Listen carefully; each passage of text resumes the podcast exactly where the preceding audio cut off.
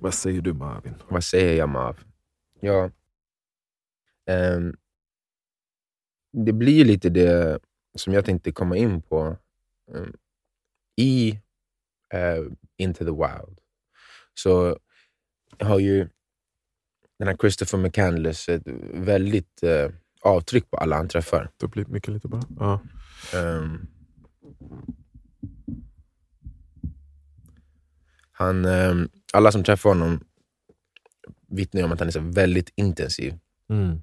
Och Det var någonting som slog mig i, hur, eh, i en mening, som, eh, jag tror det var författaren som beskrev honom då, men utifrån vad andra hade sagt om honom, att han var en man eller människa som verkligen lever ut sina värderingar.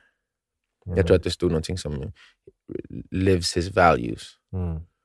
Och att det var extremt. Och det är väl det lite som jag var inne på innan. att så här, Hur fan kan det vara extremt att leva ut sina värderingar? Vi är så lost in the sauce att vi tycker det är mer förståeligt att tumma på sina värderingar för att hitta sin plats i vårt världsliga liv än att leva ut sina värderingar och kanske då, som vi var inne på i början, nå döden med en ren själ. Mm. Um, sen vet inte jag om han gjorde det, för att han, mycket av det han levde ut, som han ändå trodde på, men som han levde ut, var ju också hans butthurt, liksom lilla arga pojkspolingsattityd. Mm. Um, men att leva ut sina värderingar tycker jag borde vara någonting som, speciellt i dagens samhälle, eh, borde vara något som vi ser som livsviktigt. Men vad eh, menar inte, det, menar inte han det i kontexten av hans värderingar? Alltså att det var destruktiva värderingar? Eh, I hans fall, så alltså, lite både och. För de pratar ju om honom till exempel, alltså, och, och ibland blir, eller han gör det till en sån extrem nivå att det blir destruktivt för hon- han själv och hans omgivning. Och Det vittnar ju om att hans värderingar kanske inte inkluderar tillräckligt mycket. Alltså som att vara en, en bra medmänniska, Mm. att eh, lämna eh, världen en bättre plats, eller lämna människor efter möten Mm. som bättre människor Mm. än vad man fann dem. Mm. Eh, Så jag, jag, skulle vilja säga att ja, hans värderingar kanske har tillkortakommanden. Men attityden att leva ut sina värderingar, den tycker jag faktiskt är väldigt eh, eh, beundransvärd. Eh, och det som du sa innan vi satte igång idag, att det började med att man bara, "Ey, den här killen han är fan G, Mm. alltså, han gör exakt det han ska göra. Sen så bara, what a fucking asshole, Mm. piece of shit douchebag Mm. som, som skiter i alla. Och sen nu när jag har kommit kanske två tredjedelar igenom boken, någonstans, jag är på kapitel Mm. 14 tror jag, Mm. så börjar jag bara, men han är ändå lite okej den här grabben. Alltså, Ja. Just av den anledningen att han, och det var väl kanske, alltså det är också mina egna biases. För att det, en av sakerna som verkligen fick mig att känna annorlunda, det var ju när man fick höra om hans college-tid, eh, nej high school-tid. Mm. Och att han hade blivit helt så här, nergrottad i världens orättvisor. Och var jättefrustrerad över apartheid i Sydafrika. Mm. Eh, och han, det, här var, det var ju 92 han drog ut och det var något år, några år efter college. Så att jag gissar på att han gick på high school på 80-talet någon gång. Då. Mm. Ehm, och Han hade liksom gått runt till sina high school-kompisar och bara Ey, vi, borde bara dra alltså. Mm. Vi, vi smugglar in vapen till Sydafrika och joinar motståndsrörelsen. Och det, det är väl en grej som eh, en röd tråd i, i hans beteende, att han är så gränslös. Han liksom förstår inte heller sina egna begränsningar. Och att de bara, "Men vad ska vi göra för skillnad? Två high school-elever, du och jag, åka med vapen, vi kommer dö på en gång. Vilket de Mm. förmodligen hade. Mm. Men, men att åtminstone leka med tanken känner jag ändå är beundransvärt någonstans. Om du ser en orättvisa eller om du känner att någonting är fel, varför ska du inte vara en del av förändringen? Mm. Ehm, och det, det jag var inne på innan också, med att så här, just i våran tid, så känns det, eller inte bara i våran tid, egentligen på grund av hur vi människor funkar, så känns det som att det är viktigt att vi försöker leva ut våra- värderingar. Det, en, det var en eh, del här som jag antecknade, att vi, jag pratade om det förra gången, så vi pratade om att eh, Adam och Eva-biten i de abrahamitiska religionerna. Att den eh, på något sätt, på något sätt eh, skulle symbolisera när vi fick vårt medvetande och därmed lämnade det quote unquote, naturliga. Mm. Alltså att innan var vi som alla andra djur på något plan. Kanske nu var apor eller vad det nu ska föreställa. Och Sen så kom vi över det helt plötsligt. Vi blev någonting mer än alla andra för att vi blev för, så pass medvetna som vi är. Mm. Och där när jag tänkte på det, och i förhållande till han, det här med att leva ut sina värderingar, så tänkte jag att det kanske är en skyldighet på grund av hur intelligenta eller destruktiva vi nu kan vara. Att, man hör ju ofta så här, jag, jag gör det här för det är naturligt, det är som naturen. Jag kan göra så här för att det eh, ja, men Till exempel när vi pratade om köttätande, så Mm. bara, ja, men det är klart vi kan göra det, men som lejonen gör det. Mm. Och så pratade vi om att ja, men lejonen behöver nästan offra sitt liv varje gång, det behöver inte vi. Mm. Om vi behövde offra vårt liv så kanske det är naturligt, Mm. men sättet vi gör det på är inte naturligt. Nej. Och därför, och det är liksom ett exempel, men därför känner jag att sen vi, eller eftersom vi är så överlägsna alla andra varelser på den här planeten, så behöver vi, till skillnad från dem, leva efter etik och moral. Mm. Alltså att sen vi lämnar det naturliga, så kan vi inte längre luta oss på det naturliga i oss Mm. som vägledning jämt. Mm, mm, mm. Alltså det, det hade funkat om vi var mer begränsade som Mm. de andra varelserna. Ja. Men som det är nu, så kan, som vi var inne på med barnet som vill ha en till, och en till, och en till bulle, och en till bulle och en till bulle. Ehm, om det var svårt att få tag på bullarna som det skulle vara för, för vilken annan varelse som helst, då hade det kanske varit rimligt.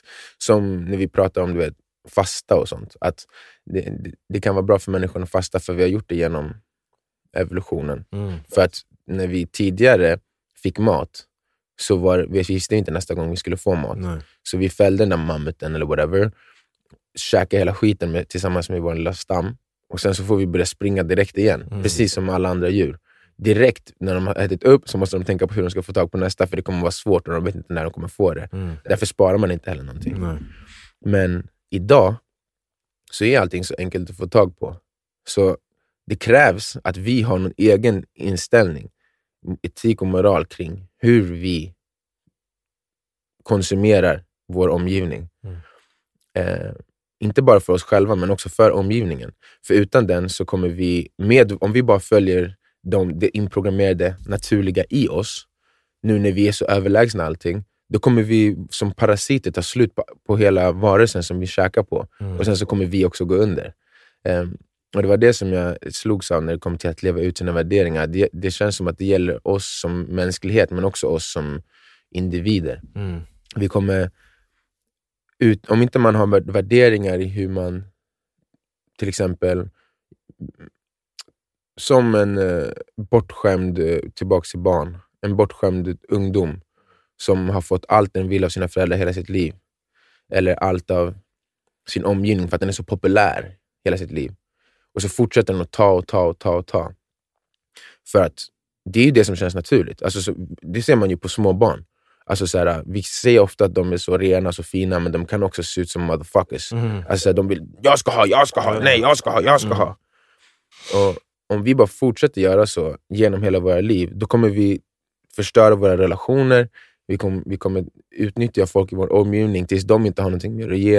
Mm. Förstöra till exempel den här bort, eh, eh, hypotetiska bortskämda tonåringen kommer driva sin mamma i fördärvet för att hon försöker försörja dens vanor medan den sitter på datorn och bara “Kan jag få mer chips? Tack!” Och allt sånt där. Det, det är Men- någonstans liksom... Och jag, jag vet inte vad de värderingarna måste vara, men Nej. jag känner att de måste grundas in, i någonting medmänskligt. Eh, och, ja. Alltså jag, Empatiskt. tänker, jag, jag håller med, man ska leva ut sina värderingar. Men som i Kristoffers, vi säger Kristoffer, vi. Christopher, Christopher, Chris, vi kan kalla honom Chris. Chris. Ja. Det är hans efternamn som gör en helt förvirrad. Men Chris i alla fall. I ett sånt fall så blev det ju till det extrema. Mm. Och det vi läste nu, de kapitel, kapitlen man läser nu, så blev det ju otroligt mycket tydligare liksom, också varför han var så. Ja, han bar, bar på ett barndomstrauma. Han, eh, det, alltså för att jämföra med ett annat trauma så kanske det inte var jätteextremt. Han kom från en, hans farsa jobbade typ på NASA och hans morsa var också liksom eh, framgångsrik i det hon gjorde. Mm. Men han fick ju, han fick ju reda, där, reda på någon gång att hans farsa liksom hade, levde ett dubbelliv Mm. och hade en, en, eh, en, en hel familj med, med sin första fru. Alltså att han fortfarande liksom chillade med henne. Mm. Det intressanta var ju att han kom på det 14 år efter att det hade hänt.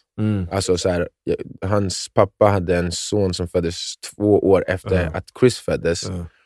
Men han när det uppdagades, kanske när Chris var fyra, då splittrade han de två familjerna, bo- började bo med bara Chris familj. Mm. Och han hade inte vetat något om det här förrän han åkte på sin första här, jag, jag, tänker att, cross country-resa. jag tänker att han visste. Alltså jag menar, en sån person kan ju inte... Jag tänker att barn känner av det där. Alltså att traumat blev att situationen var som det var. Även om han inte visste om det, Mm, mm, mm. så blev det också det som han stötte ifrån. Varför han avskydde sin pappa. För att det framgår ju att han alltid haft ett agg mot liksom sin familj. Och hans typ high school-polare berättar att han brukar snacka skit om sina föräldrar i skolan och sådär. Mm, det var någon som sa att det kändes som att han hade han liksom accepterar inte knappt fenomenet föräldrar. Nej. Alltså så här, ingen ska bestämma över mig. Och mycket, det är mycket möjligt att han liksom hade känt av någon slags mörker och hyckleri av sina, från sina föräldrar. För men, men jag tyckte ändå det var så här, ja, fortsätt, för Ja. jag, jag har några tankar om, om hur han reagerar på det. Ja, jo, för det är också så här, det, det framgår ju så ofta så här, hur talangfull han var. Eh, han kom tidigt i kontakt med och var liksom en friluftsmänniska. Han var en talangfull musiker. Och, Mm. Men jag tror också i, i den bilden som hans föräldrar hade. Eller jag, tror, jag tänker så här. Så ofta tittar vi på barn och om de visar någon styrka eller någon talang, om inte det stämmer överens om föräldrarnas eller liksom omgivningens idé om vad som är styrkor och talanger, Mm. så sätts man i det här utanförskapet. Mm. Och då, om och om igen, så, så, så får det liksom uttrycka sig destruktivt eller extremt senare i livet hos den här personen. Till exempel ett barn som sitter vid skolbänken och har eh, överskottsenergi. Mm. Kalla det ADHD, kalla det DAMP eller vad du än kallar det. Mycket energi. Kan, varför ska vi tvinga barnet att sitta vid skolbänken och göra exakt som alla barn? För Mm. mig, jag ser alltid en, en, ett barn med mycket energi. Hjälp barnet att rikta det åt rätt riktning. Tvinga inte barnet att sitta i den här, fyk, i den här boxen och göra som alla andra, för de är inte som alla andra. Mm. Eh, och det var det jag kände med honom också. Han fick liksom... Han fick... Eh, det blev så att, han, att han, han blev extrem. Han levde ut sina värderingar till extrema. Istället för att kanske bli en, en campfire singer. Det vill säga, sätt upp eh, utflykter med eh, gamlingar och utnyttja din, karakt- eh, din eh, mus- eh, musikaliska ådra och sitta vid, vid elden och liksom spela musik för dem. Alltså Mm. det, kunde, det kunde också sett ut så. Mm. Mm. Och att han liksom på något sätt blev en... Han leker, eh, författare leker också lite med tanken om det här. Eh, det här var typ något långdraget självmord på något sätt. Mm. Så här, Mm. okej, han kanske ville göra det här beslutet att ge sig ut i vildmarken för att han, han ville dö helt enkelt. Mm. Och jag tänker att det traumat orsakar är liksom en emotionell eh, omognad. Typ som en emotionell narcissism på något Mm. sätt. Mm. Och när det backar upp ens värderingar så blir det alltid farligt. Och han, var ju typ, han, var, han kändes ju också i tillfällen som en nihilist. Typ. På ett Ja, sätt. absolut. Absolut. Ab- ja, precis, vi var inne på vad det nu heter när man hatar människor. Ja. Nihilist är väl när man hatar allt, världen. Ja, det finns typ här betydelse av någonting man ja. gör på något sätt. Mm. Eh, och jag tror som, som alltså människa, det som, allt som vi är programmerade, det vi har pratat om, så kan man inte på riktigt vara det, utan det är bara en fasad på ett sätt. Förstår du vad jag menar? Mm, ja, ja, exakt. Det är det, det jag alltid känner med folk som är såhär I love the darkness. Ja, nej. Eh, Man bara, you sad little boy. Exakt. Just own up att du är sad Ja. och sen väx från det istället för att bara no I like it down here det- in the darkness. ja, ja, ja. Det är så man vill man ju säga. Det är ju inte lätt såklart, för att man, man, man är ju bara en produkt av sin barndom. ja, ja, absolut. Så jag tänker så här, vem... så många, du kommer från trauma, jag kommer från viss del av trauma. Liksom alla som vi har sagt förr, alla har en sad story to tell. Men var ligger ansvaret att faktiskt, när man går från barn till, in till tonåren, in till vuxenskap. Var ligger, det finns ingenting i, i vår samhällsstruktur eller i skol, som skolan erbjuder, för att hemmet har ju uppenbarligen misslyckats. Mm, mm, Jag menar alla de här grabbarna som är helt plötsligt psykopater och dödar varandra. mm. Är det så? Eller har vi, missly har vi misslyckats någonstans? Var, tar man, var, var, var, alltså, var ligger ansvaret? För att Ja, man kan fråga. inte ge att det- ansvaret till individen 100% för det, det, det, alla kommer inte ut från ett trauma med den bilden av hur, hur livet funkar. Eller, alltså, förstår du? Man hamnar inte alltid på rätt väg själv. Det är ganska intressant att du ställer just den frågan, för det var en annan sak som, fick, som jag reagerade på. att Han hade ju alla de här eh, empatiska och, värderingarna och jag kände att världen hade... Alltså hur kan folk få gå hungriga till exempel i USA och sånt? Sen så var han republikan. How the fuck? hur går det ihop? Alltså så här, du, för jag- förstår på ett sätt tanken om eh, en regering, en bra regering är en regering som lägger sig i så lite som möjligt. Mm. Okej, men då är det ju fan inte deras ansvar att, att hjälpa till med den här pojken till exempel. Mm. Alltså när, om den frågan du ställer där. Mm. Att om, det, om regeringen inte ska lägga sig i, om den ska vara så uh, distant som möjligt, Mm. ja, då är det ju verkligen den individuella familjens, enbart deras ansvar. Möjligtvis om man nu styr upp något slags mini-community, om man gör det, men då måste man ju också se till att göra det som, in, alltså som familj. Mm. Och så får man hjälpas åt in det lilla liksom communityt. Men det, det är ju egentligen den här frågan som du ställer, det, det, är, ju, det är ju våra skilda åsikter kring den frågan som gör att det är så svårt att svara på. Alltså, för hälften av vårt land tycker ju ge oss mer frihet, jag styr över mig, jag ska Mm. sköta, mitt, du ska inte lägga dig i, jag ska inte ge dig pengar Mm. för att jag ska inte behöva betala för den här snorungens problem. Mm. Medan resten tänker, den andra halvan tänker, ja, men, eh, alla vi drabbas av allas problem. Mm. Och ah, mörkret som bildas är ett, ett kollektivt mörker från alla de här individuella mörkren.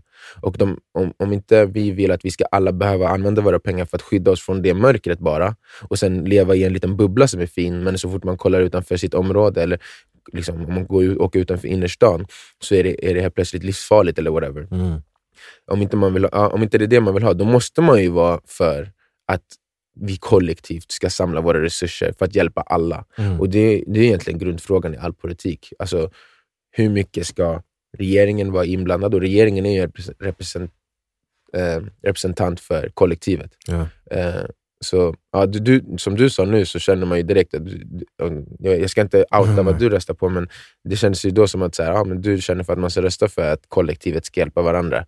Och att vi ska poola våra resurser för att alla ska få hjälp. Även det där exemplet med ADHD-barnet. Mm. Hur skulle man kunna ha resurser nog att läraren ska fokusera på den ungen när den måste lära f- 40 andra ungar också? Det är Mm. för stor klass på Exakt, 40 ja, ungar. ja, Ja, då behöver man kanske fem lärare. ja. Fem, men lärarna, var ska de få sina pengar ifrån? Om inte det bara ska vara privata skolor där, där bara de med pengar kan gå på, om det är en eh, kommunal skola eller whatever, då måste ju de pengarna komma någonstans ifrån också. igen. Mm. Och det, det, det blir, Allting kommer ju ner till det hela tiden. Var väljer vi att lägga våra resurser? Och utifrån det så kan vi ha olika möjligheter att, att eh, förse både ungdomar och vuxna med den hjälp man behöver för att liksom vara en mer hel människa och Mm. mer, eh, eh, ja, men en mer, en mer mångsidig, mångfacetterad Kompetent, och kompetent person.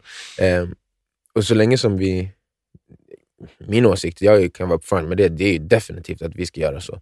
Mm. Alltså hjälpas åt. Det spelar ingen roll hur mycket pengar jag har, ta 70% Ja, om man- du vill. Om det, jag vill inte gå ut i, ett, i en värld som det ser ut som det börjar se ut nu. Nej. Och min uppfattning är 100% att varför händer det här? Vissa säger att det är massinvandring och jag säger det är nedskärningar på välfärden. Eller båda i kombination. Men hade vi gett mer pengar så hade, så hade ju folk fått hjälp istället för att de ska sättas i ett område där det är sämre skolor, där det är sämre tillgångar på allting som de behöver. Mm. Så varenda ADHD-unge i, i de områdena kommer springa ut och göra vad som helst. Mm. Många använder det som ursäkt för att ja, men de ska inte ens vara här. Jag säger bara ge lite mer dit, så kommer, de, så kommer vi få liksom, alla de här supermänniskorna som föds med de här, den här överskottsenergin eller eh, den här spetskompetensen, Mm. de kommer få blomma ut istället. Exakt. Och sen helt plötsligt har vi ett land fullt av Elon Musks. That's not a regular motherfucking dude. Han hade pengar och sen så fick han eh, fokusera den där energin på, på Ja. någonting specifikt. Och sen nu så, inte för att jag har så mycket till övers för honom, men han är väldigt framgångsrik. ja. Istället för, istället för att han ska vara någon, någon eh, vilde på gatan. Ja, alltså det, det känns ju som att för många hem, liksom att det, det, det räcker inte till. Det, man misslyckas. Man, man önskar ju så här, ja, men alla föräldrar tar sitt ansvar och det kanske de gör till en viss del, men det verkar ju inte räcka till i många fall. Nej, men det, det, det är som vi har varit inne på förut. Um, Men så här, är det inte viktigare till exempel Mm.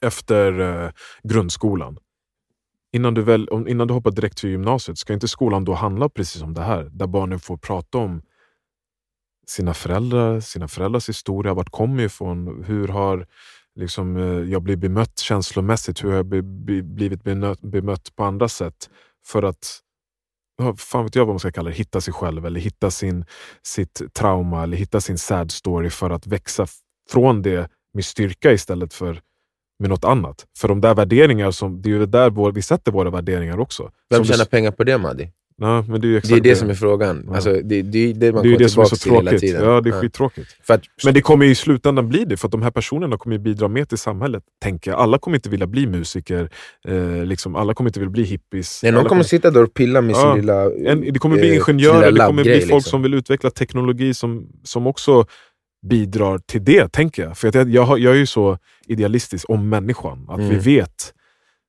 vi Men kan vara som det. träden, vi kan Många bara stå så här och så kan vi växa liksom som vi är gjorda att växa utan att alltid fråga om det är rätt eller fel eller jämföra. Jag, jag, tänk, jag har en sån bild av oss. Jag. Jag ser inte någon större skillnad på oss och, och naturen på det sättet. Ja. Förutom att vi tog äpplet och tog en Mm. tugga som vi har snackat om. Ja. Nej, Eh. absolut. Men, men i, för att bli politisk Ja, igen, det är ju så här, skolan är ju strukturerad eh, som den var, blev strukturerad under industriella revolutionen. Och hur, hur var det? För att skapa arbetare Mm, till samhället. mm, Vi lever i en värld där välstånd mäts i BNP, mm, hur mycket vi producerar. mm. I det så är det en väldigt lång väg för att se kopplingen till eh, alla barns barndomstrauma. Em, jag och du tror ju på människans inre godhet på något sätt, om den bara får tillräckligt med stöd. Men det stödet kommer inte ge omedelbar avkastning. Nej. Det är samma sak som med, med eh, folk som invandrar med trauman eller som kommer eh, med, från krigszoner och inte har fått utbildning än.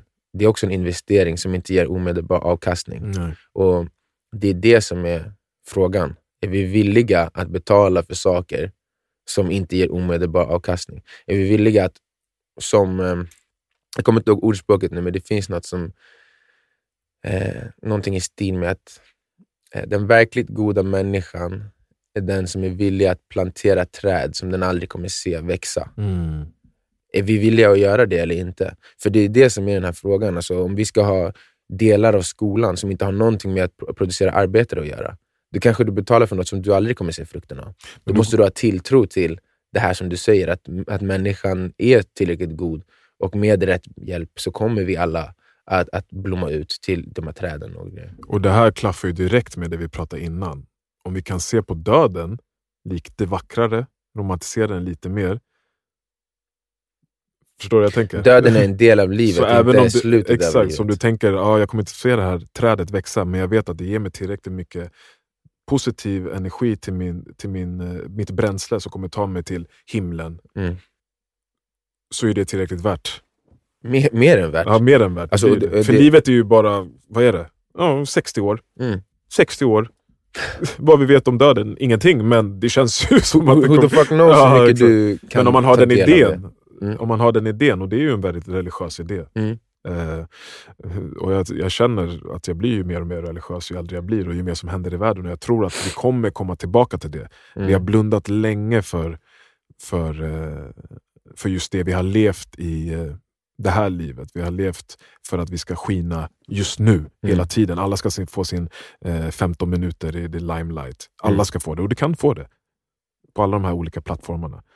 Men det kanske inte betyder så mycket ändå. Nej, det, det är någonting som jag själv liksom tampas med på något sätt. För du vet ju hur jag är. Jag Mm. liksom har alltid varit, delvis på grund av min uppfostran, delvis på grund av min inflytande under min uppväxt. Det är så här, jag var the burning spear, the golden child när jag växte upp i hur jag blev Mm. liksom, uppfostrad. Och jag har tagit efter Kobe och Michael Jordan i allting Mm. eh, som jag ser som så här eftersträvansvärt.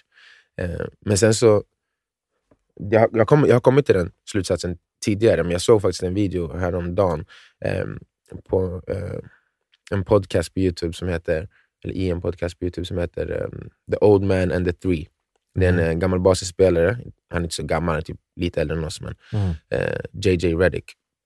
Han växte faktiskt upp där jag spelade basket i high school, Ah, cool. eh, i Ron, eh, precis bredvid Roanoke. Mm. Um, och han hade bjudit in, jag, vet inte om han, det kan vara någon annan, men jag tror att han heter Hassan Minaj, som är komiker. Mm. Eh, och han sa, när jag kollade på Last Dance, och alla bara oh, Jordan, Jordan, han är en vinnare, han är en Mm. vinnare. Och han sa det, han bara, nej Steve Kerr var den jag såg som var vinnare. Mm. Steve Kerr var du vet, rollspelaren som satte en av treorna så att de vann en av Mm. finalerna. Mm. Och han är också tränaren för Golden State Warriors idag. Mm. Och, eh, hans historia är att han, hans pappa blev mördad när han var ung och han, han tog sig igenom det traumat ändå för att bli så framgångsrik som han blev. Och när han väl var i NBA så var han så här, en av de hyllade så här, lagkamraterna på sättet han bar sig och förde sig.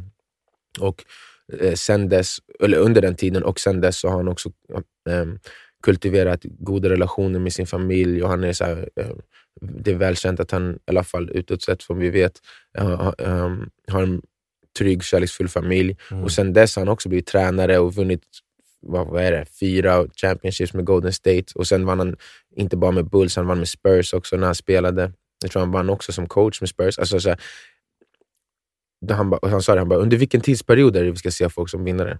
Mm. Jordan hade de där sex åren där han dominerade hela världen, när han blev så där pass känd som han blev. Mm. Är det det som är att vara en vinnare? Eller är det Kerr som har kommit igenom trauman utan att såra andra människor blivit framgångsrik, utan att släpa sina lagkamrater som Jordan gjorde? Utan att sälja skor så får folk att barn att döda varandra. För. Exakt. Eh, och helt utan empati för om de fattiga har råd eller inte, som Mm. Jordan gjorde. Eh, som sen också har kultiverat sin, sin person så pass mycket att han kan bli den här tränaren som är väldigt framgångsrik. Och eh, har även en, en kultur i det laget han tränar idag som handlar så mycket om så här lagspel och eh, hans, hans, den bästa, sen är det en Steph Currys förtjänst också, men eh, liksom att de bästa spelarna i hans lag, de, de preachar om att man ska, hur man ska vara som människa lika mycket som hur man ska vara som basketspelare. Och så. Mm, mm. Vem är den sanna vinnaren? Och, och det, det är någonting jag har behövt tänka på också i mitt liksom, huvud, superfokus på att liksom, åstadkomma eller bli det jag vill bli. Och det sa jag ju till dig, för, jag tror jag sagt det i podden också, att mitt fokus gick från att bli allt jag vill eh, som individ mm, i, i hur jag presterar, till att vilja bli, ha samma fokus, alltså samma ambition, men att sprida ut den över allting det är att vara människa. Mm. Ehm, att vara en god medmänniska, att vara en bra bror, att vara en bra son, att vara en bro, bra man Mm. ehm, och att vara en bra medborgare. Mm.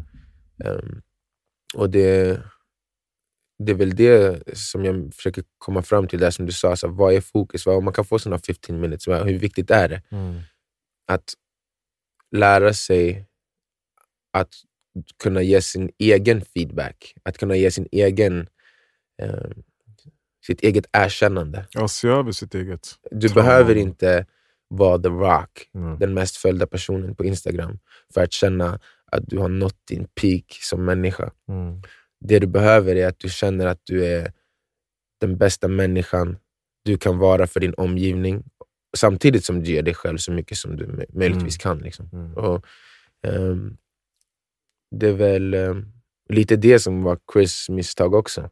Mm. Alltså hans, han, det är ju beundransvärt det här att han lever ut sina värderingar, men hans värderingar är så snäva. Mm. Hans värderingar Backade gällde liksom från en sak. ett eh, emotionellt, liksom, som vi sa, i Mm. balans. Ja, men exakt. Eh, och det är fint att han bryr sig om folket i Sydafrika, men han bryr sig inte om sin egen mamma. Nej. Liksom. Nej.